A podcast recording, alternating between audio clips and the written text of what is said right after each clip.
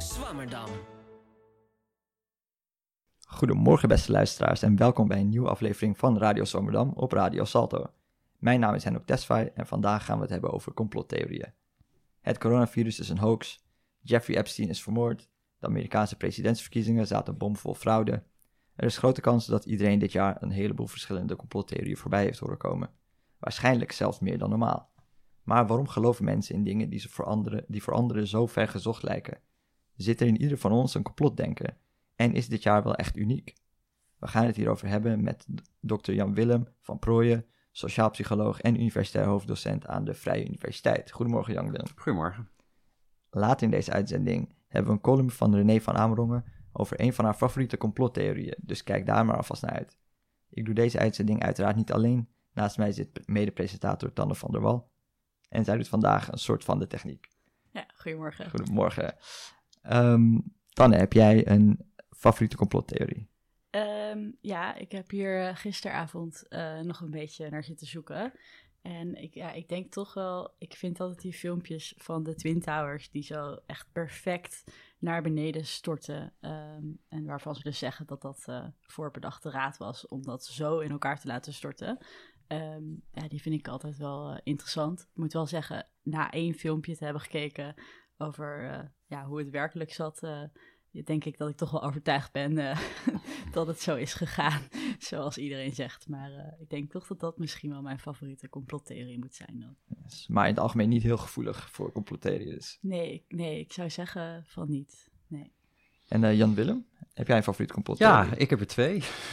ik, uh, nou, ten eerste de Flat Earth theorie, die vind ik heel fascinerend. Uh, want ik, ja, ik, ik vind het ook gewoon heel moeilijk om, ja, om te begrijpen dat mensen zo 400, 500 jaar uh, wetenschappelijk onderzoek even terzijde uh, schuiven en, uh, en denken dat de aarde als enige planeet in het universum plat is. dus dat vind ik ja, een hele, ja, hele bijzondere eigenlijk. Ook de aanhang die ervoor is. Het is echt ja, best wel een beweging geworden met regelmatige congressen. En, en ja, ik vind het, ja, dat vind ik een hele fascinerende. En de, ja, de tweede is de uh, alien lizard theorie van deze David Icke. Dus dat is de theorie dat de uh, aarde geregeerd wordt door een buitenaards reptielenras, uh, wat hier is gekomen om de mensheid te onderwerpen. En dat politieke leiders, zoals ook Rutte of Donald Trump en ongetwijfeld straks ook Joe Biden, een, ja, een, een, een buitenaards reptielenras is. Ja. Waarschijnlijk al Joe Biden ook al. dat zou me niet verbazen met Obama erbij. Voorbedachte raden. Ja, precies. En um, Jan Willem, waar komt jouw onderzoek in, waar komt jouw interesse in dit soort onderzoek vandaan? Of eigenlijk specifiek in complottheorieën? Ja, nou het is eigenlijk een beetje in um, 2008 zo'n beetje begonnen, denk ik. Uh, toen uh, ik deed in die tijd veel, heel veel onderzoek naar gevoelens van uh, onrecht. En dan met name ten opzichte van hoe mensen door leiders behandeld werden. en ja, ik worstelde daar heel erg, veel, erg mee, want mensen weten toch vaak helemaal niet waar besluiten op gebaseerd zijn. besluiten vinden toch vaak in achterkamertjes plaats en ook in bedrijven. Uh, zijn, mensen zijn helemaal niet bij die managementvergaderingen. Vaak weten mensen niet waarom uh, besluiten worden genomen.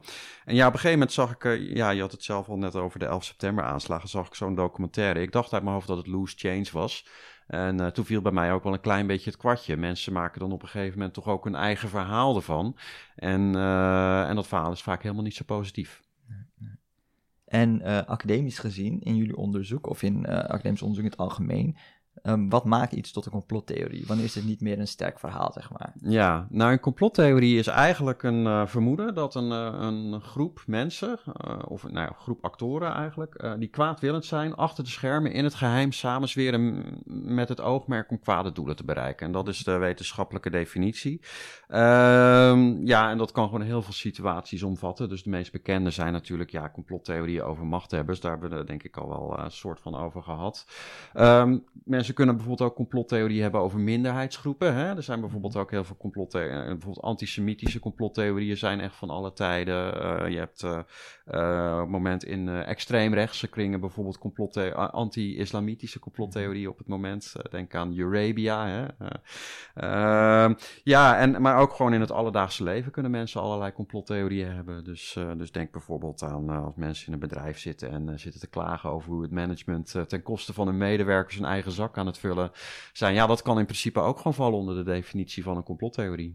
Yes. Dus het is een heel breed fenomeen eigenlijk. Ja, En is het ook, ehm, denk je dat, dat wat de meeste mensen verstaan onder een complottheorie ook echt overeenkomt met die definitie die je hebt gegeven? Ja, in principe wel. Ehm, vaak is het wel zo dat mensen uh, er bij complottheorie automatisch vanuit, vanuit gaan dat het dus niet waar is. Nou, vaak is dat ook zo. De meeste complottheorieën zijn niet waar, maar het is niet per se de onderdeel van de wetenschappelijke definitie. En uh, volgens de wetenschappelijke definitie is een, uh, een complottheorie niet bewezen. Mm -hmm. Niet bewezen waar. Ja, ja, ja, ja. En je, je noemde in ons voorgesprek al het voorbeeld van de Watergate. Ja, ja, klopt. Dus dat is een uh, heel mooi voorbeeld. Kijk, uh, de inbraak in het Watergate Hotel, dat vond plaats in 1972. Mm. Nixon die trad af in 1974. Uh, dus daar nou, heeft best wel wat tijd tussen gezeten. En als jij in 1973 in de Verenigde Staten had rondgelopen en had gezegd: Jongens, ik denk dat Nixon er persoonlijk bij betrokken was. Ja, dan was je op dat moment volgens de wetenschappelijke definitie een complotdenker of geloofde hij een complottheorie. En nou ja, maar ja, dan is een jaar later zou dan gebleken zijn dat je ja, natuurlijk gewoon hartstikke gelijk hebt gehad. Ja, ja, dat je dus... toch helderziend bent geweest. Ja. Maar, maar in dat geval wordt de complottheorie dan dus bewezen en dan is het soort van complottheorie af. Ja, dan is het geen theorie meer. Dan is het ja, gewoon een bewezen complot. Ja. Maar een complottheorie is dus normaal vaak onbewezen. Maar wat als het tegendeel van die complottheorie vaak wel bewezen is? Ja. Um, nou ja, het grappige is, heel veel complottheorieën, daar, daar is het tegendeel van bewezen. Ja, hè? Dus uh, we weten inderdaad dat de aarde niet plat is. Uh, ja, desalniettemin is het dan heel moeilijk om, uh, ja, om, om, om, om dat bewijs op een overtuigende manier te brengen aan iemand die daarin gelooft. Omdat hij altijd wel manieren heeft om om uh, te beargumenteren dat dat bewijs niet klopt. Hè? Dus we zeggen altijd in de wetenschap, een complottheorie is heel moeilijk falsificeerbaar. Dus als jij tegen een uh, flat earther gaat zeggen van, uh, nou ja, al die foto's vanuit de ruimte dan, van de NASA, en dan krijg je als antwoord dat de NASA een corrupte organisatie is die die foto's allemaal heeft gefotoshopt, weet je wel. En als je bijvoorbeeld zegt van, nou ja, als je vliegtuig zit op 10 kilometer hoogte, dan zie je toch gewoon een beetje, dan zie je toch die kromming van de aarde gewoon een beetje. En dan krijg je als antwoord, ja, maar die vliegtuigramen, die zijn op zo'n manier gecreëerd gecreëerd om die illusie te creëren, weet je wel? Dus, dus, dus uh, op zo'n manier uh, kan al het bewijs ook weer terzijde geschoven worden. Geschoven worden. bent ja. in feite vanuit twee verschillende dogma's aan het kijken Juist, naar een onderwerp. En daar valt eigenlijk dus bijna geen ja, dus ja, kan je daar dan nog een goede discussie over voeren?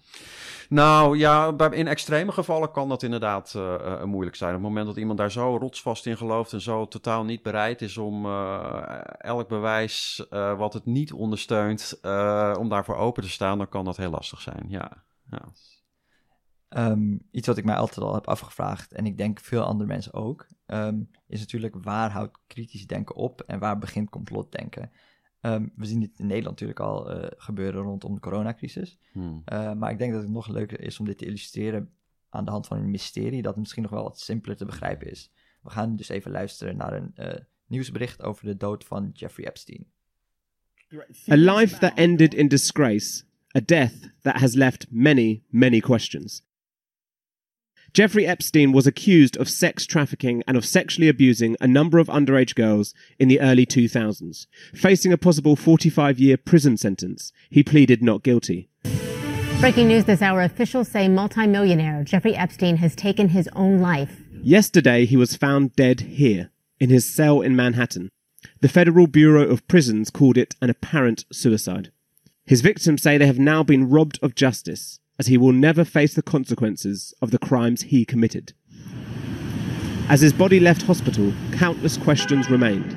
Given that Epstein was found semi conscious in his cell last month, why was he still not on suicide watch at the time of his death?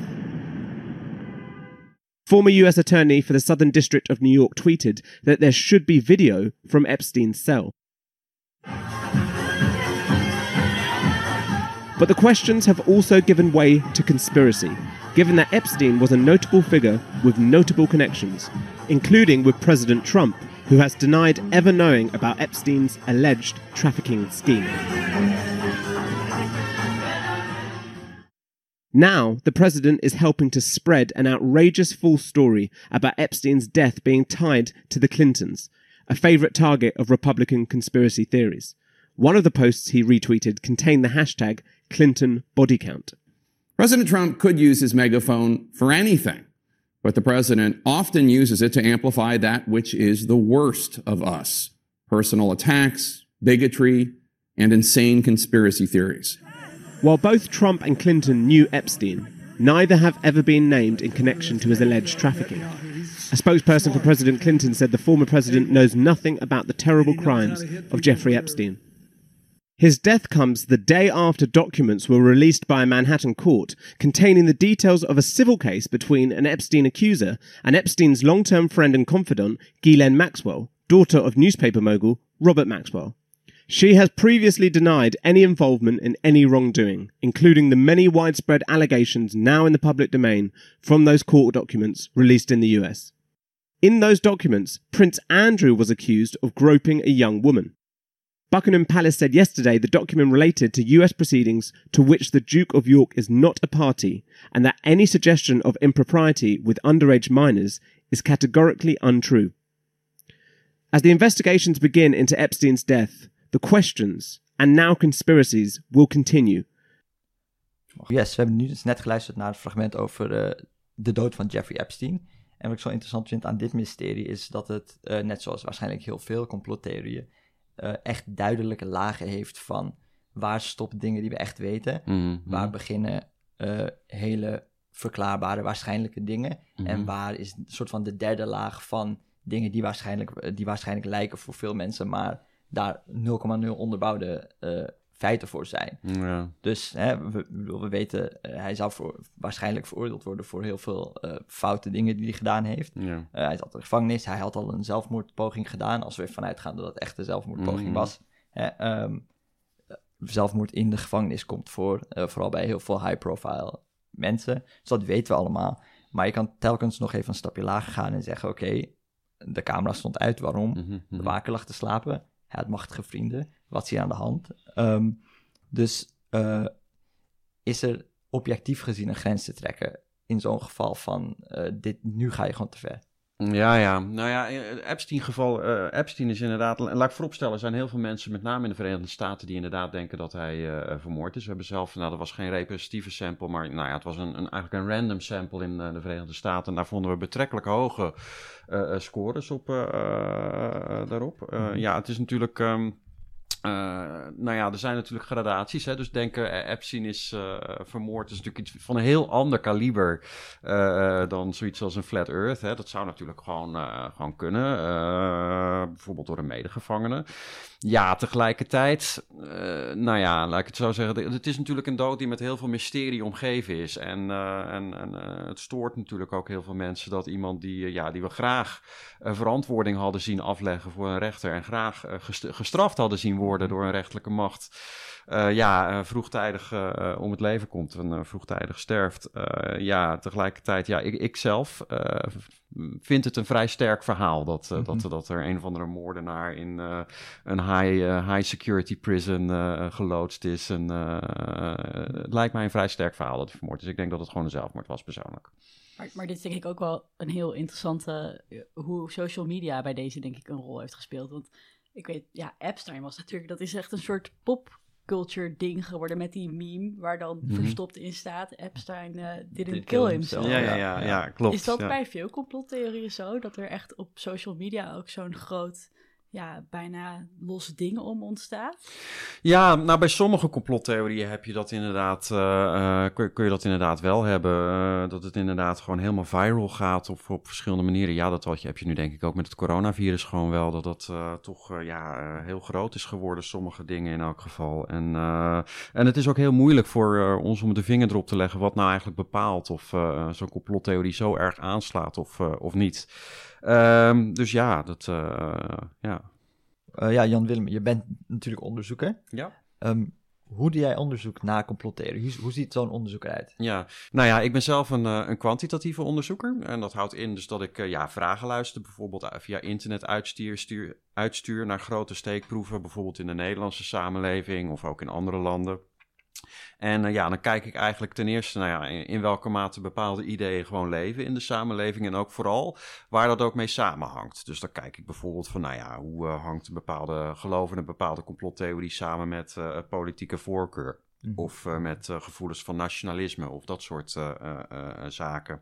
dus dat is eigenlijk de manier waarop ik er onderzoek naar doe. Er zijn ook andere manieren om er onderzoek naar te doen. dus je hebt ook bijvoorbeeld onderzoekers die analyseren, analyseren bijvoorbeeld social, social media feeds. Dat is ook een, uh, een manier om er naar te kijken. En ik ken ook uh, ja, mensen die gewoon diepte-interviews doen met, uh, met, met, met mensen die bijvoorbeeld actief zijn op, op van die complotdenkers websites. Dus ja, dat zijn allemaal dat, dat zijn ook manieren om er onderzoek naar te doen. Dus je kunt er eigenlijk op, op heel veel verschillende manieren onderzoek doen en ernaar kijken.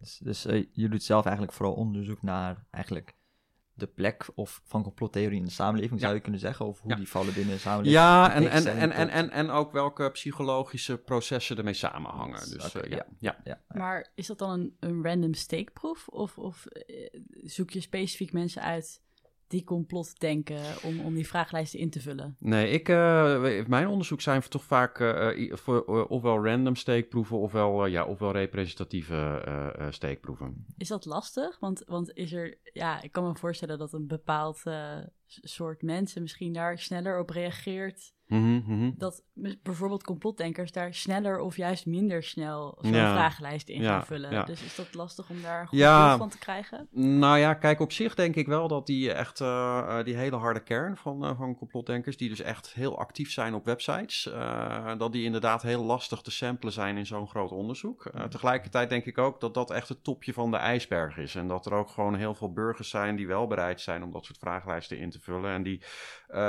ja, misschien niet heel actief zijn op dat soort websites, maar nog steeds wel in, uh, in, in dat soort ideeën geloven. En die doen wel mee hoor. Dat, ja. Uh, ja. ja, dat roept natuurlijk de vraag op. Um, zeg maar, hoe ziet zo'n vragenlijst eruit? Want ik kan me voorstellen dat, uh, noem je het woord complottheorie, want ja. zoals, zoals Dan al zei, uh, dan krijg je natuurlijk een bepaalde bias van mensen die denken dat ze in complottheorie... of mensen die juist zeggen, nou, dit is onzin, ik geloof helemaal niet in complottheorie. Ja. Ik ga, heb hier geen antwoord op. Ja, dus ja of die heel erg de vragenlijst dan in gaat vullen van ik geloof hier allemaal niet in, want ja. ik ben geen complotdenker. Precies, maar misschien wel ergens af en toe denken, goh, hoe zat dat nou met 9-11? Ja, ja, nee, wij, uh, wij, wij, vermijden dat woord uh, vaak wel. Vaak stellen we bijvoorbeeld inderdaad vragen van, nou ja, uh, denk je dat de Amerikaanse overheid zelf geholpen heeft met het organiseren van de 11 september aanslagen? Of denk je dat het coronavirus een, een biowapen was? En dan vraag je gewoon op een, op een schaal hoe plausibel mensen dat vinden. Dus ja, nee, het klopt, het woord complottheorie heeft een bepaalde lading. We weten ook uit onderzoek dat, uh, ja, dat het stigmatiserend kan werken. Hè? Dus als je mhm. zegt, ik geloof in complottheorieën, dan, dan, dan, dan, nou ja, dan, dan werkt dat stigmatiserend. Dan, uh, ja, dan, dan, dan schrikt dat mensen af eigenlijk. Uh, dat, dat heeft onderzoek laten zien. tegelijkertijd is het ook zo, en dat, dat vind ik zelf wel interessant, een, een onderzoek heeft ook laten zien dat als je het wel doet, dus als je heel expliciet aan mensen vraagt van, nou ja, in welke mate geloof je in deze complottheorie? Uh, dan heeft dat eigenlijk geen invloed op uh, de mate waarin mensen er wel of niet in geloven. Dus dat, was, uh, ja, dat vond ik op zich wel, okay. wel interessant. Ja. Uh, je, je, vertelde me toen we hiervoor spraken ook over een nieuw onderzoek. Juist, uh, ja. Dat in Engeland gedaan is, volgens ja, mij. nou, dat, dat heb ik gedaan samen met twee Engelse uh, collega's. Maar dat is mhm. grotendeels in Engeland uitgevoerd, dat klopt. Ehm, en daarin hebben we eigenlijk naar de andere volgorde gekeken. Dus wat wij eigenlijk hebben gedaan is van... oké, okay, dus op, als je iets een complottheorie noemt... dan heeft dat geen invloed in hoe geloofwaardig mensen het vinden. Maar wat wij hebben gedaan is... we hebben er dan andersom naar gekeken. Als mensen dingen geloofwaardig... stellingen geloofwaardig dan wel ongeloofwaardig vinden... heeft dat invloed uh, op de vraag of mensen iets uh, een complottheorie gaan noemen. En dat vonden we dus wel. Dus naarmate mensen bepaalde stellingen minder geloofwaardig vonden, naarmate ze meer geneigd waren het ook een complottheorie te noemen, eigenlijk. En dat, ja, dus dat suggereert dat, dat mensen toch die term um, ja, associëren met ongeloofwaardige verhalen. Ja, ja, ja. ja. En um, je zei ook al dat, je, dat jullie dus ook onderzoek doen naar hoe verschillende groepen in de samenleving uh, bepaalde complottheorieën zeg maar, zien. Ja. Um, waar, waar moeten we aan denken? Wat voor verschillen vind je bijvoorbeeld als je kijkt naar uh, het politieke spectrum? Ja. Gaat het dan om bepaalde kanten zijn uh, meer geneigd om te geloven? Of is het juist wat voor soort complottheorie ze geloven waar het verschillend zit? Nou, een beetje van, een beetje van allebei. Dus je vindt eigenlijk, um, eigenlijk zowel aan de linker als de rechterkant vind je complotdenken. Um, uh, wat we, uh, eigenlijk een belangrijke conclusie die naar voren komt, is dat het vooral de extremen zijn. Dus zowel uh, linksextreem als, als rechtsextreem. In elk geval in de Nederlandse samenleving vind je dat, dat heel duidelijk. Dus nou ja, aan de rechterkant de mensen die stemmen voor bijvoorbeeld de PVV en ook Forum voor Democratie. die scoren hoger op complotdenken dan, nou ja, dan bijvoorbeeld CDA, VVD-stemmers. En aan de linkerkant zie je eigenlijk een beetje hetzelfde waar mensen die voor de SP stemmen eh, ook veel hoger scoren op uh, complotdenken dan bijvoorbeeld mensen die op GroenLinks of de P van de A uh, stemmen. Dus het zijn echt een beetje de extreme. Mm -hmm. tegelijkertijd is het ook zo dat ook inderdaad het wel heel erg uitmaakt wat voor complottheorie we het, het over hebben. Hè? dus bijvoorbeeld, nou ja, ik, ik, ik, ga, ik neem even een uitstapje naar, naar bijvoorbeeld de Verenigde Staten. Denk, dan heb je natuurlijk ook republikeinse en, en democratische complottheorieën. Uh, nou, neem bijvoorbeeld Obama's birth certificate. Hè? Obama is niet in uh, de Verenigde Staten uh, geboren. Nou, dat is, dat is een typisch complottheorie. Alle mensen die daarin geloven, nou, dat is een enorm goede voorspeller van of, of, ze, of ze republikeins zijn of, of democraat natuurlijk. maar tegelijkertijd, je hebt ook democratische complottheorie. We hebben het al over theorieën. We hebben het al over 11 september gehad. de overtuiging dat, de Amerikaanse, dat dat een inside job was van de Amerikaanse overheid. Uh, is juist meer een democratische complottheorie. En de reden is ook heel logisch. Er zat een republikein in het Witte Huis toen ja. het gebeurde. ja, dus ja. Dat het Bush de schuld was. Ja. Zij doet dat soort dingen wel. Ja, ja als uh, niet Bush maar Gore was gekozen en, uh, en, in de tijd en, en, en, die, en het was toch gebeurd, dan denk ik dat het een republike republikeinse complottheorie was geweest. en hebben wij dat dan ook in Nederland, dat soort kan je dat ook in de SP en de. Ja, ik denk het wel. Uh, ik denk het wel. Dus inderdaad, uh, wat je inderdaad aan de linkerkant uh, dan toch ziet, zijn complottheorieën waar bijvoorbeeld, waar, waar het bijvoorbeeld gaat over de rol van multinationals in dingen die misgaan in de wereld, of de Verenigde Staten, hè, dingen die met het kapitalisme te maken hebben. als je meer aan de rechterkant kijkt, dan krijg je bijvoorbeeld meer complottheorieën die met wetenschap te maken hebben. Denk aan klimaatverandering, dat het allemaal maar doorgestoken kaart is. Uh, complottheorieën over minderheidsgroepen. Hè? Dus inderdaad, we hebben het al eerder over Eurabia, heb ik al uh, kort, kort, laten vallen eerder. Dat is uh, de, de, theorie dat er een islamitisch complot is tussen leiders in het Midden-Oosten en, en, en, en, en linkse politici in Europa om een, ja, eigenlijk een soort islamitische staat te creëren in, in Europa. Nou, dat is een typisch iets wat je wel aan de rechterkant vindt en niet aan de linkerkant van het spectrum. Dus zo, um, ja, zo heb je wel aan beide kanten van het spectrum complottheorieën, maar ja, we ook wel andere ideeën er zijn ook wel een paar gemeenschappelijke thema's hoor. Dus, uh, dus wat je bijvoorbeeld uh, ziet aan beide kanten van het spectrum, uh, is bijvoorbeeld euroscepticisme. Hè? Dus complottheorieën die te maken hebben met ja, hoe dingen binnen de EU, hoe daar allemaal ja, geheime plannetjes gesmeed worden die, de, ja, die het daglicht niet kunnen verdragen, zullen we maar zeggen. dus, dus ja, er zijn ook wel gewoon gemeenschappelijke thema's. Maar je hebt ook wel echt een aantal uniek linkse en rechtse complottheorieën. Ja.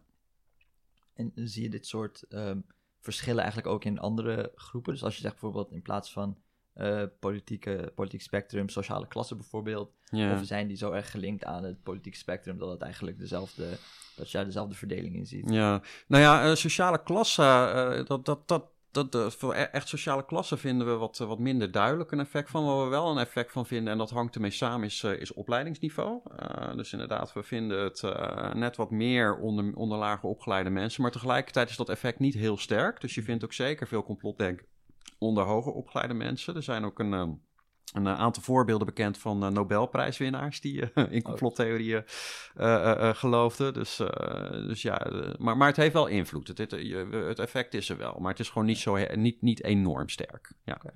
ja. Um, dan een beetje de grote vraag voor, voor mij in ieder geval over dit, over dit onderwerp. Bestaat er zoiets als het profiel, het profiel van een complotdenker? Ja, um, nou, ik denk het beste antwoord daarop is nee. Kijk, het... Uh... Podcast voorbij, dat was de uitzending afgelopen. ja, nee, kijk, het komt gewoon heel veel voor in de samenleving. Uh, gewoon, uh, sommige complottheorieën worden echt door heel veel mensen aangehangen eigenlijk. En je hebt gewoon niet zoiets als de complotdenker. Um, ja, nogmaals, sommige factoren hebben er wel mee te maken. Dus inderdaad, we hebben het al gehad over politiek extremisme, misschien wat lager opgeleid nationalisme. Hè? Dus we vinden dus inderdaad dat, uh, dat mensen die hoog scoren op complottheorieën, hoog scoren op iets wat we in de wetenschap nationaal narcisme noemen. Dus dat is, dus dat is eigenlijk de overtuiging dat je eigen land uh, beter is dan andere landen en dus ook spe speciale rechten moet hebben. Hè? Dus nou ja, het America First idee, zeg maar. Uh, dus dat zijn inderdaad zaken die ermee te maken hebben.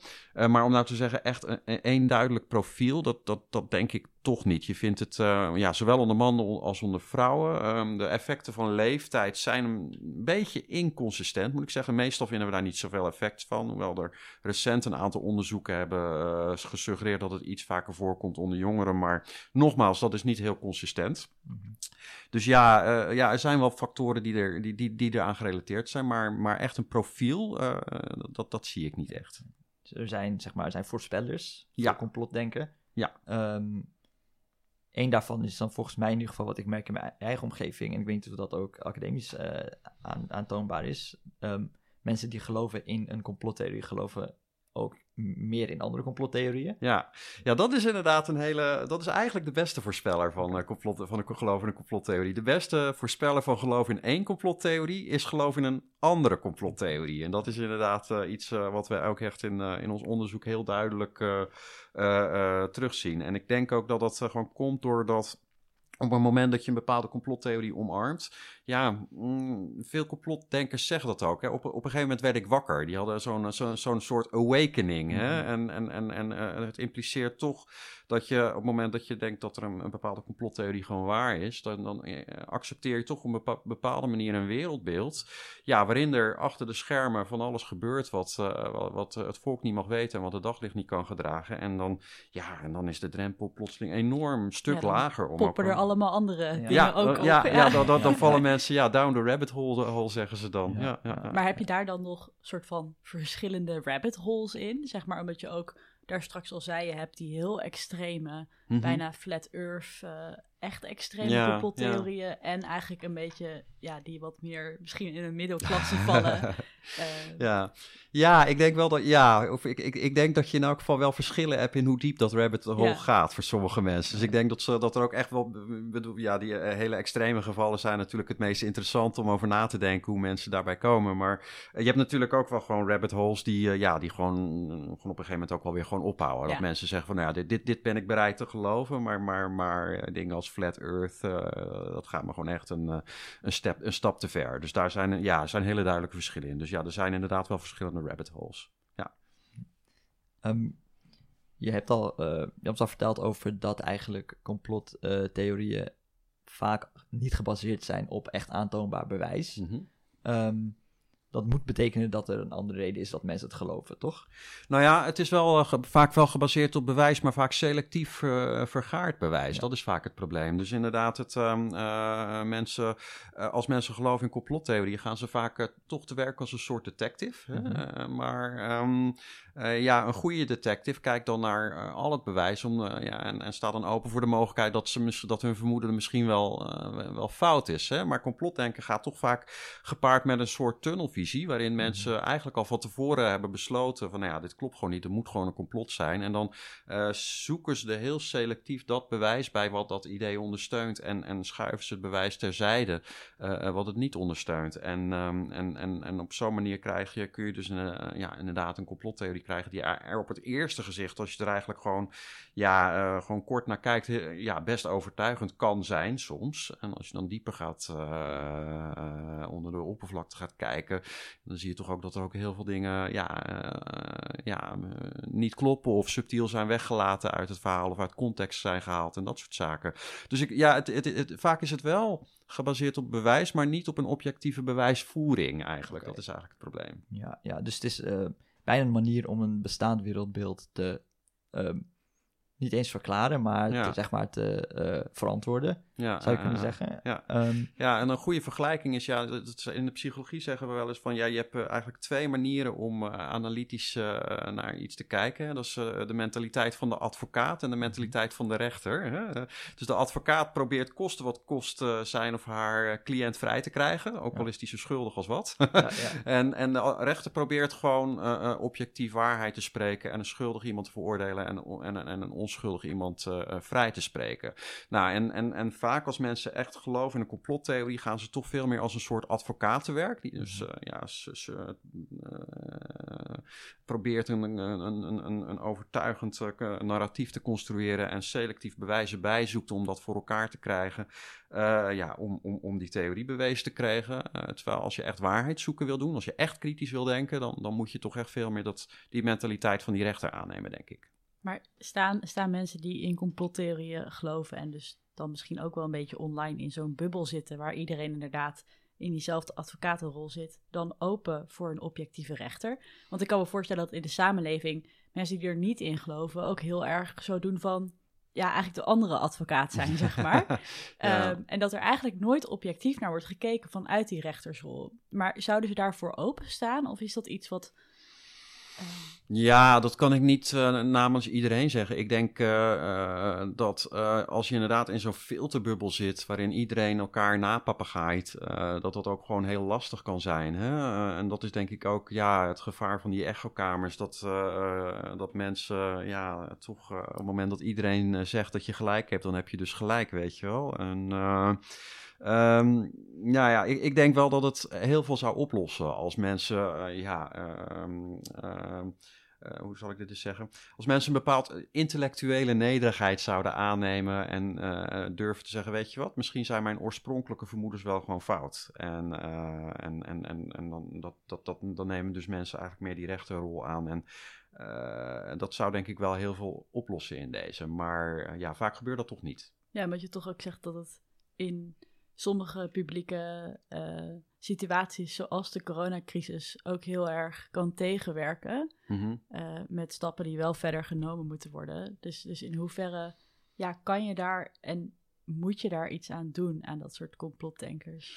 Nou ja, eh, het ligt eraan. Ik denk, als, je, je hebt het nu over de coronacrisis. Kijk, we weten nu, eh, sinds het begin van de coronacrisis is er gewoon heel veel onderzoek gedaan, ook naar de link tussen complotdenken en bijvoorbeeld gezondheidsgedrag. Eh, ja, en we weten gewoon dat dat heel sterk samenhangt met bijvoorbeeld social distancing. Dus naarmate mensen meer in complotdenken geloven, naarmate ze minder die anderhalve meter willen eh, af, eh, eh, aanhouden. Maar naarmate ze ook meer denken dat mondkapjes maar onzin zijn. En naarmate ze minder bereid zullen zijn straks dat vaccin te nemen.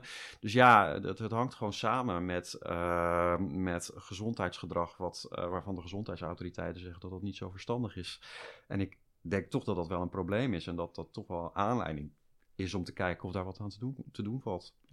Dus i- is het, eh, is het, ja, zou je kunnen zeggen dat eh, veel van mensen die gedreven zijn naar complottheorieën dat toch eh, meer uit een emotionele gevoelskwestie doen dan dat ze daadwerkelijk op zoek zijn naar objectieve waarheid, waarheden? Ja, eh, dat, dat, dat is een heel goed punt. We vinden inderdaad dat het eh, meer samenhangt met emotie. En, eh, ja, en, en dus inderdaad een soort, soort, soort inderdaad gevoelens van angst en, en, en een gevoel van onrecht en, en een gevoel van woede. Dat kan allemaal heel erg dat complotdenken drijven. En dat kan dus inderdaad ook maken dat mensen inderdaad ja, in, eigenlijk in die advocaatrol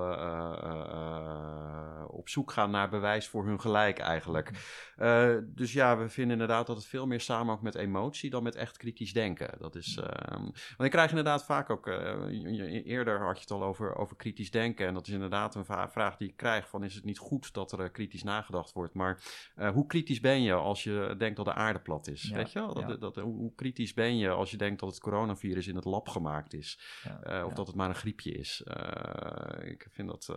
Is er, is er ergens in onderzoek, voor zover je weet natuurlijk, ehm, ooit naar voren gekomen hoe bewust mensen zijn van de achterliggende gevoelens die Mhm. gepaard gaan met zo'n co- complottheorie, als zij daar zelf in geloven? ja. Ehm, de welke achterliggende gevoelens ermee te maken hebben? Ja, er zijn mensen die, die zelf in zo'n complottheorie geloven. In hoeverre zijn, zijn die bewust van al die dingen die ze drijven om zoiets te geloven? Ja, ik denk dat dat een lastig is. Kijk, vaak, vi- vaak bijna iedere, ieder mens vindt zich toch een heel objectief, rationeel wezen. Die gewoon goed begrijpt hoe de wereld in elkaar steekt. Kijk, en, als je bijvoorbeeld ook gaat kijken op websites van complot, complotdenkers. die vinden zichzelf vaak ook helemaal geen complotdenker. Hè? Dat ze, die zien de term complotdenker ook vaak als een, als een belediging. Ik ben geen complotdenker, ik ben een waarheidszoeker. en ja, en ik denk ook dat dat ehm, eigenlijk het, de meeste mensen wel karakteriseert. De meeste mensen denk, eh, vinden zichzelf objectief en rationeel en waarheidszoeker. Maar de mate waarin mensen dat ook daadwerkelijk zijn, dat varieert natuurlijk gewoon enorm. Ja. En, eh, ja. Dus in die zin zou je eigenlijk om eh, sommige van die complottheorieën ja, op te lossen, of, of dat in ieder geval te zorgen dat dat niet tegenwerkt bij zo'n coronacrisis aanpak, dus bijna beter die emotie kunnen Ja. aanpakken. Dan proberen het objectief te benaderen? Nou, ik denk dat daar twee kanten van het verhaal zijn. Ik denk in je persoonlijke leven wel. Dus inderdaad, stel je hebt uh, een, een, broer of een oom die heel erg in complottheorieën gelooft. Ik denk dat het dan vooral toch belangrijk is dat je ingaat, dat je inderdaad gewoon, ja, gewoon luistert naar die persoon en open vragen stelt. En op zo'n manier erachter probeert te komen wat nou die onderliggende emotie is, wat, uh, wat dat drijft. Uh, tegelijkertijd uh, denk ik wel dat, uh, denk ik ook wel dat het ook wel gewoon nuttig en goed is als, ehm, ja, als wetenschappers gewoon echte kennis ook verspreiden op, op sociale media. Kijk, een, zo'n situatie als de coronacrisis hebben mensen toch veel vragen en zoeken mensen gewoon antwoorden. En dat is heel normaal en heel begrijpelijk. En dat hebben we allemaal, dat heb ik ook. Uh, maar als alles wat ze dan tegenkomen gekke complottheorieën zijn, uh, dan is het ook heel makkelijk om daarvoor te vallen. Dus ik denk dat het toch ook wel belangrijk is om, uh, ja, ik zeg altijd spread the actual science. en dat, ik denk dat dat ook wel gewoon echt belangrijk is.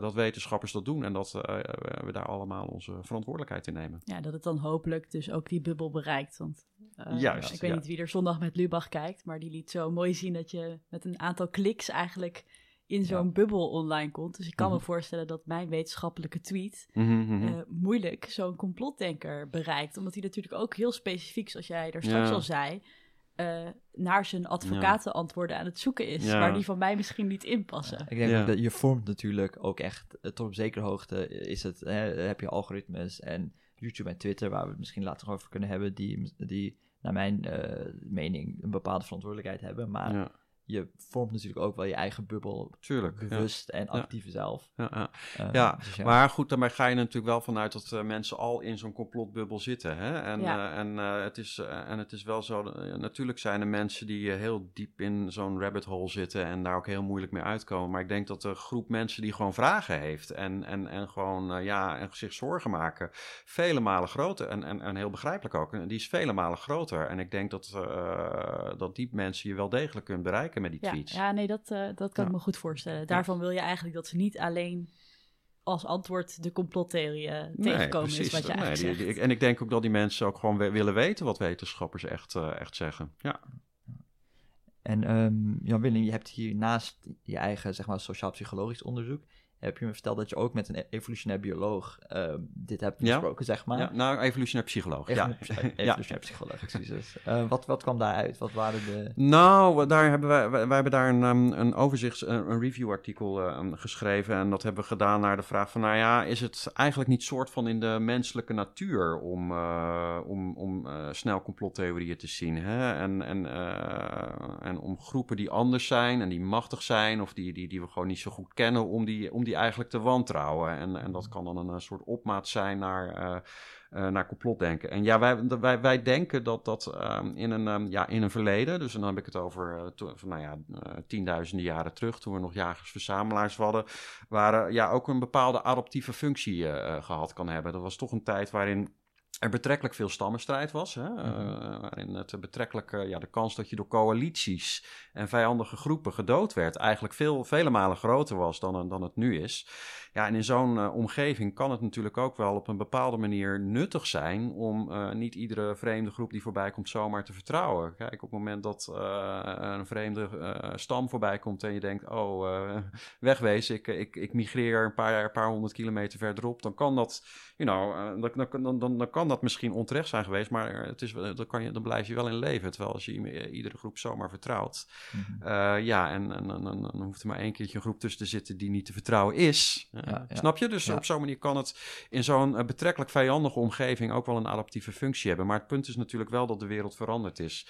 En eh, mensen nu veel beter dan vroeger beschermd zijn door eh, een rechtssysteem en, en, en, en dat soort zaken. En dat er ook heel veel ja, groepen zijn gewoon die, het, die wel degelijk het beste hebben met de, mens voor, met de mensheid voor hebben. Denk aan die wetenschappers die nu aan een vaccin werken, bijvoorbeeld. Ehm, en dan hoeft het niet altijd in een moderne maatschappij nog steeds maar adaptief te zijn.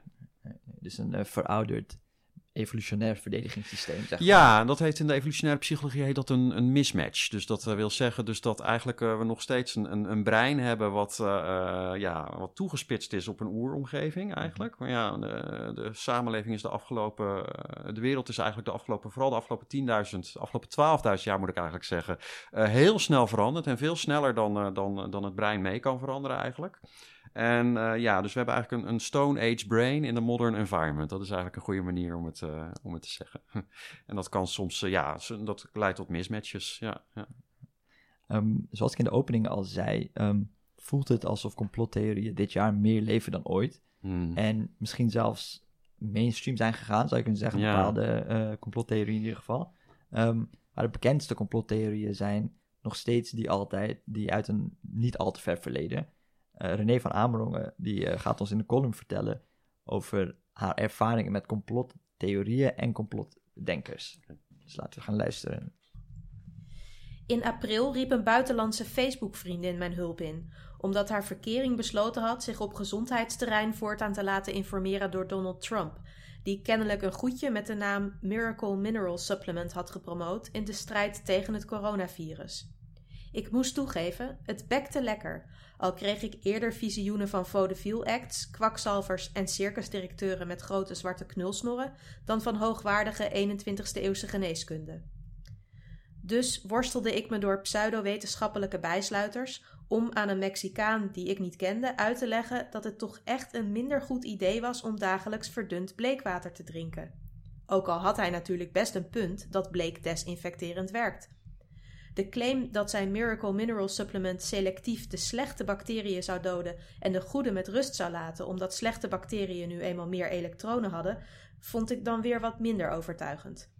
Om nog maar te zwijgen over het feit dat we hier een virus aan het bestrijden waren en geen bacterie. Ik geloof dat mijn mini-college over chloordioxide en basale oxidatiemechanismen zijn vruchten heeft afgeworpen, want de goede man leeft nog, zag ik afgelopen week op mijn timeline. Mijn Facebook-vriendin was me eeuwig dankbaar en verzuchtte: Het klinkt allemaal gewoon zo wetenschappelijk als je zelf geen bioloog of chemicus bent. En dat is natuurlijk precies wat er zo gevaarlijk aan is. Want je moet eigenlijk al wat expertise hebben om de gaten in het rookgordijn van drogredeneringen en handige framing te ontwaren. En als je eenmaal gelooft in miracle cures, hoeveel stappen zijn er dan nog nodig voordat je op een dag in het kamp van de viruswappies bent beland, waarna zelfs de meest bezopen theorieën uitermate logisch klinken? Zie dan de weg terug naar de realiteit nog maar eens te vinden. Laatst besefte ik plotseling dat ik zelf ook jarenlang geobsedeerd ben geweest door iets wat nu waarschijnlijk als complottheorie weggezet zou worden: de moord op John F. Kennedy. Ik kwam er toevallig mee in aanraking omdat ik tijdens het rondstruinen in boekhandel De Slechte, een favoriete bezigheid tijdens mijn tienerjaren, per ongeluk stuitte op Pleidooi voor de waarheid. Een klassieker uit 1966, waarin de conclusies van de door president Johnson ingestelde Warren Commission in twijfel werden getrokken. Al heette in twijfel trekken toen nog gewoon bekritiseren. De officiële lezing is, tot op de dag van vandaag, dat John F. Kennedy is doodgeschoten door Lee Harvey Oswald, een schutter die in zijn eentje opereerde en drie kogels afvuurde vanaf de zesde verdieping van het Texas School Book Depository. Die lezing riep al snel vragen op mede doordat ene Abraham Zapruder de kritieke scène had gefilmd. Helaas met de korrelige kwaliteit en framesnelheid van 1963. Daar lijkt me nou nog eens een schone taak weggelegd voor wat image reconstruction met behulp van een deep learning algoritme. Maar dat terzijde. In de afgelopen 60 jaar hebben talloze critici zich gebogen over deze Zapruder film. Om de officiële lezing kloppend te krijgen, moeten Kennedy en gouverneur Connolly op de stoel voor hem bijvoorbeeld geraakt zijn door één en dezelfde kogel, de zogenaamde magic bullet. Als dit niet klopt, stort al het bewijsmateriaal tegen Lee Harvey Oswald als een kaartenhuis in elkaar. Die hele moord op Kennedy is natuurlijk omgeven door mysterie, koren op de molen van complotdenkers. Zo werd Oswald zelf een paar dagen na de moord doodgeschoten door nachtclub-eigenaar Jack Ruby. En is nog steeds niet duidelijk welke banden beide heren nou precies hadden met de FBI en CIA, of in het geval van Oswald, de KGB. Tel daarbij op de goed bewaarde geheimen van het Kennedy White House met buitenechtelijke escapades en foute zwembadfeestjes. Voeg een vleugje Cuba en Koude Oorlog toe en je blijft achter met een whodunit waar Agatha Christie een puntje aan zou kunnen zuigen. Zelf liet ik me niet zo meeslepen door al die randverschijnselen. Ik hield het liever bij de wetenschappelijke feiten en heb eigenlijk alleen maar baat gehad bij mijn totale onderdompeling in deze materie. Gefascineerd door ballistiek deed ik extra mijn best bij natuurkunde. Het maakte de kogelbanen van Galilei in elk geval een stuk interessanter. Toen de foto's van Kennedy's lijkschouwing voor het eerst gepubliceerd werden, in Hoe kan het ook anders, Weekblad Privé, kocht ik het tijdschrift van mijn oppasgeld en vergeleek nauwkeurig de originele aantekeningen van de patholoog-anatoom uit 1963 met dit nieuwe bewijsmateriaal. Het leverde me een sterke maag op die later uitstekend van dienst kwam op de snijzaal. Kortom, een beetje complotdenken kan nooit kwaad, zolang de nadruk maar op het denken blijft liggen en er ruimte blijft voor twijfel. Wie denkt dat hij de waarheid in pacht heeft, zonder dat met echte feiten te staven, dat zijn de wappies uit wiens fabeltjes fuik je weg moet zien te blijven. Ja, zoals ik al zei, ehm, voelt het dus voor mij en waarschijnlijk heel veel mensen alsof complottheorieën echt hè, eh, een soort van super eh, mainstream zijn gegaan of heel bekend zijn geworden dit jaar. Maar het is dus helemaal niet zo. En er bestaan dus, uh, nou ja, bestaan, het weten dus al zeker dat er complottheorieën zijn in de geschiedenis van de mensheid. Maar wat is de historische context eigenlijk? Wat, wat weten we over de geschiedenis van die complottheorieën? Nou, complottheorieën zijn echt zo oud als de mensheid zelf. Uh, je vindt ze in, uh, ook terug in, uh, veel eerder in de, in de 20e eeuw, maar ook in de middeleeuwen, in de Romeinse tijd en Griekse mythologie vind je complottheorieën terug. Ehm, eigenlijk, zover, zover als we terug kunnen gaan, kunnen we complottheorieën vinden. Ja. En um, het lijkt op dit jaar en bijvoorbeeld ook waar René het over heeft in de, bij de Kennedy-complottheorieën. Ja. Um, dat ze toch meer grip vinden in tijden van sociale of maatschappelijke onrust. Ja. Is dat ook echt ja, in de ja. geschiedenis zo geweest? Ja, dus inderdaad gewoon vooral in tijden van crisis. Dus inderdaad uh, vooral inderdaad van die uh, schokkende crisisgebeurtenissen die gewoon het leven van mensen raken en waardoor de wereld gewoon nooit meer hetzelfde is. We hebben nu natuurlijk de coronacrisis. Uh, ja, en daardoor is het enorm gaan opleven natuurlijk. Maar ook na de 11 september aanslagen zag je enorm veel complottheorieën naar de moord op Kennedy. Uh, in de jaren 50 zag je heel veel, had je natuurlijk McCarthyism. Hè? Dus daar zag je heel veel uh, anticommunistische complottheorieën in, bijvoorbeeld in de Verenigde Staten. Uh, ja, begin van de 20e eeuw, tijdens de Tweede Industriële Revolutie. Toen werden heel veel werknemers vervangen door uh, machines. Nou, ja, dan zag je enorm veel complottheorieën over uh, grote bedrijven ontstaan. Dus ja, het, het, het, is, het is echt van alle tijden, maar het is wel echt vaak toch vooral in reactie op crisissituaties. Ja, ja, ja. ja, dus gaan mensen dan eigenlijk, wanneer zeg maar je eigen wereld op de kop staat, op zoek naar een nieuw nieuw wereldbeeld om zich aan vast te houden. Ja, of, om een, of, of, of, een goede verklaring. En, en, daarin, en, en een verklaring waarin uh, ook uh, bij voorkeur een schuldige aangewezen kan worden eigenlijk. Een, uh, of een schuldige groep. vaak vinden mensen dat toch een stuk, ja... vaak, vaak als er dingen misgaan, dan voelt dat toch een beetje onrechtvaardig. En, en willen mensen toch vaak een dader hebben eigenlijk, of een, of, een, of een schuldige groep.